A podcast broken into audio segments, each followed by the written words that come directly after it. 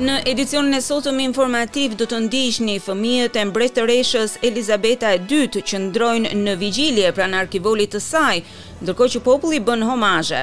Një hetim ka nisur pas vdekjes së një gruaje të arrestuar nga policia e moralit në Iran.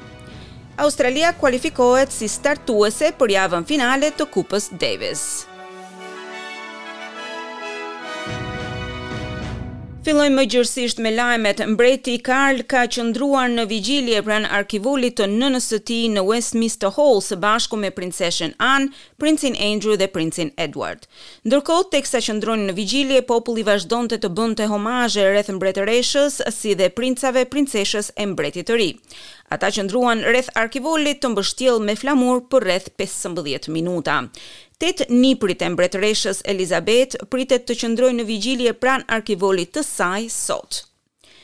Ndërkohë britanikët kanë mbetur të vendosur që të nderojnë mbretëreshën e tyre edhe pse pritja në radhën e homazheve tashmë është disa orë. Qeveria britanike ka paralajmëruar se koha e pritjes për të mbuluar rreth tetë kilometra radhë në parkun Southwark deri në shtëpinë e parlamentit ka arritur në më shumë se njëzet e tetë orë dhe temperaturat gjatë natës ishin të ftohta.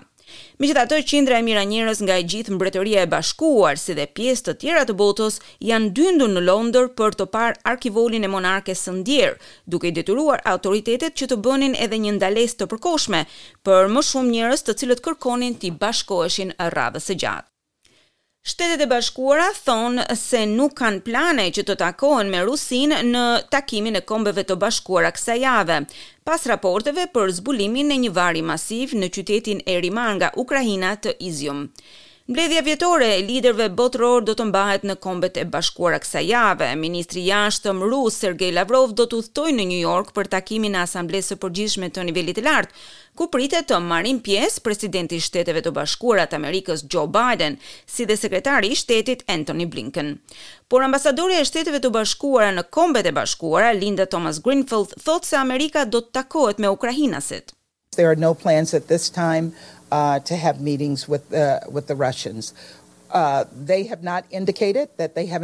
Nuk kemi asnjë plan në këtë moment për t'u takuar me rusët, as ata nuk kanë treguar se kanë interes për diplomacinë.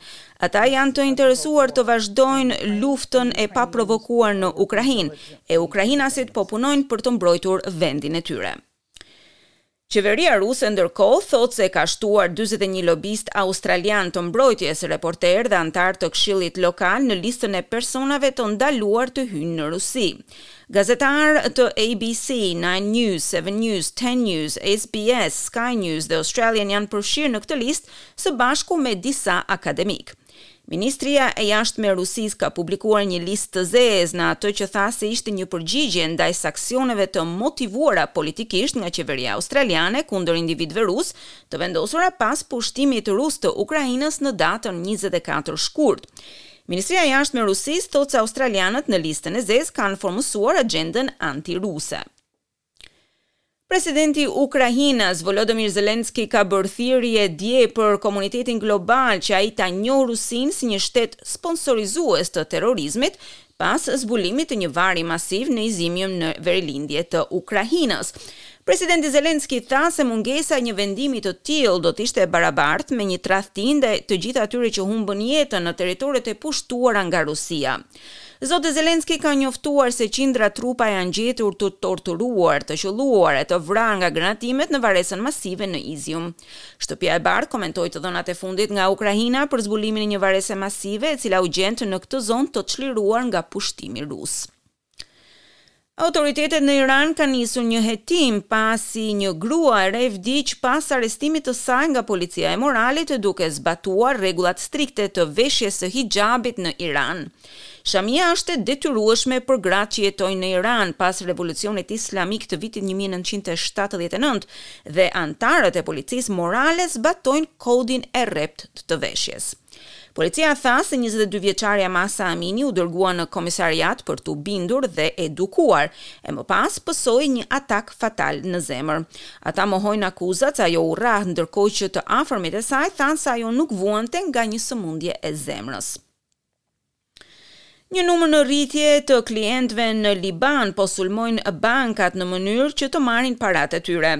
Depërtimet reflektojnë zemërimin e publikut ndaj kontrolleve të rrepta informale të bankave mbi tërheqjet e parave, një nënprodukt i krizës financiare. Depozuesi i fundit është Abed Subra, me negociata ende në vazhdim mes tij dhe zyrtarëve në Bankën Blum të Bejrutit, Edhe deputeti libanez e ish ministri i Drejtësisë Ashraf Rifi është përfshirë në negociata.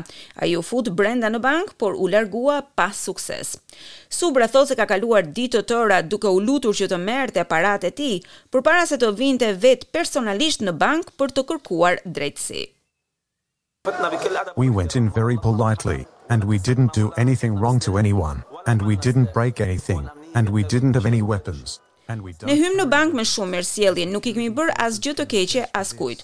Nuk kemi thyer asgjë, nuk kemi patur armë, ne nuk mbajmë armë. Siguria dhe forcat mund ta dëshmojnë këtë, por ne duam të drejtat tona. Kalojmë në Itali, punonjësit e urgjencave dhe vendasit kanë filluar pastrimin e mbeturinave të mbetura pas përmbytjeve të mëdha të cilat morën dhjetë jetë njerëzish. Katër të tjerë mbeten të zhdukur pasi përmbytjet e shkaktuara nga reshjet e dendura përshkruan disa qytete në një rajon kodrinor të Italisë Qendrore, me disa nga përmbytjet më të rënda në qytetin Senigallia, ku ka dhe një lum, i cili ka dalë nga brigjet e tij. Hamletet në kodrat pranë qytetit turistik të rilindjes së Urbinos u përmbytën gjithashtu kur lumenj me ujë, baltë dhe mbeturina vërshuan nëpër rrugë. Balta dhe mbeturinat tani janë shpërndarë nëpër rrugë dhe pronat janë dëmtuar rëndë pasi ujërat e përmbytjeve janë tërhequr. Ky banor vendas, i quajtur Stefano, thotë se përmbytjet i kapën të gjithë në befasi. We found ourselves submerged by one and a half meters in around ten minutes. E gjetëm veten të zhytur në një metër e gjysëm ujë për rreth dhjetë minuta, nuk patëm asnjë lloj paralajmërimi për këtë rrezik. Kjo është situata. Departamenti i zjarrfikësve thotë se dhjetra njerëz që ishin bllokuar nëpër makina ose që ishin ngjitur nëpër pemë kanë arritur të shpëtojnë. Uber thotë se po heton raportet për një shkelje të rrjetit që detyroi kompaninë të mbyllë disa sisteme të brendshme të komunikimit dhe inxhinierisë.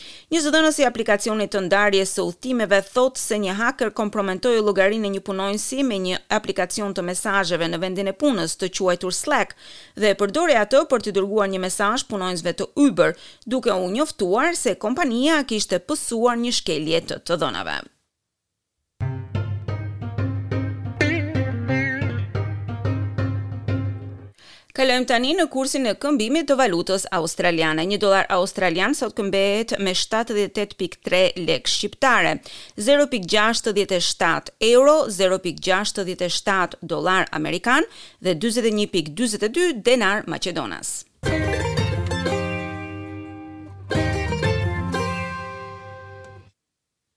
Dhe kalojmë në sport, skuadra australiane e Lleyton Hewitt është konfirmuar si e kualifikuar për javën finale të Kupës Davis. Skuadra e Hewitt është përballur me perspektivën për të shkuar në ndeshjen e nesërme të grupit kundër Gjermanisë në Hamburg, me kualifikim edhe për në finalen e kompeticionit në Malaga në nëntor, Fitorja dy me një e Gjermanisë ndaj belgëve të premten ishte e mjaftueshme për t'u siguruar që Australia do të jetë në mesin e tetë çerekfinalistëve, të cilët do të zënë vendin e tyre në mesin e elitës së tenisit në garën e Spanjës. Është një lajm i jashtëzakonshëm për Hewitt, skuadra e të cilit tani do të luftojë me vendasit për thjesht kryesimin e grupit, pasi të dyja skuadrat kanë garantuar vendet e tyre në Malaga.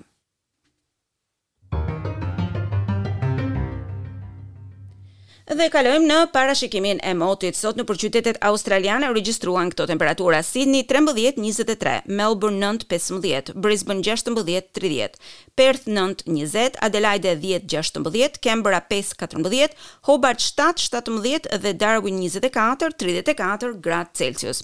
Për nesër, Byroja e Parashikimit të Motit sjell këto temperatura, Sydney dymbëdhjetë, njëzet e tre, Melbourne dhjetë, gjashtëmbëdhjetë, Brisbane pesëmbëdhjetë, njëzet e tetë, Perth tetë, njëzet, Adelaide njëmbëdhjetë, gjashtëmbëdhjetë, Canberra pesë, pesëmbëdhjetë, Hobart gjashtë, gjashtëmbëdhjetë dhe Darwin njëzet e pesë, tridhjetë e katër, gradë Celsius. Dëgjuat edicionin informativ.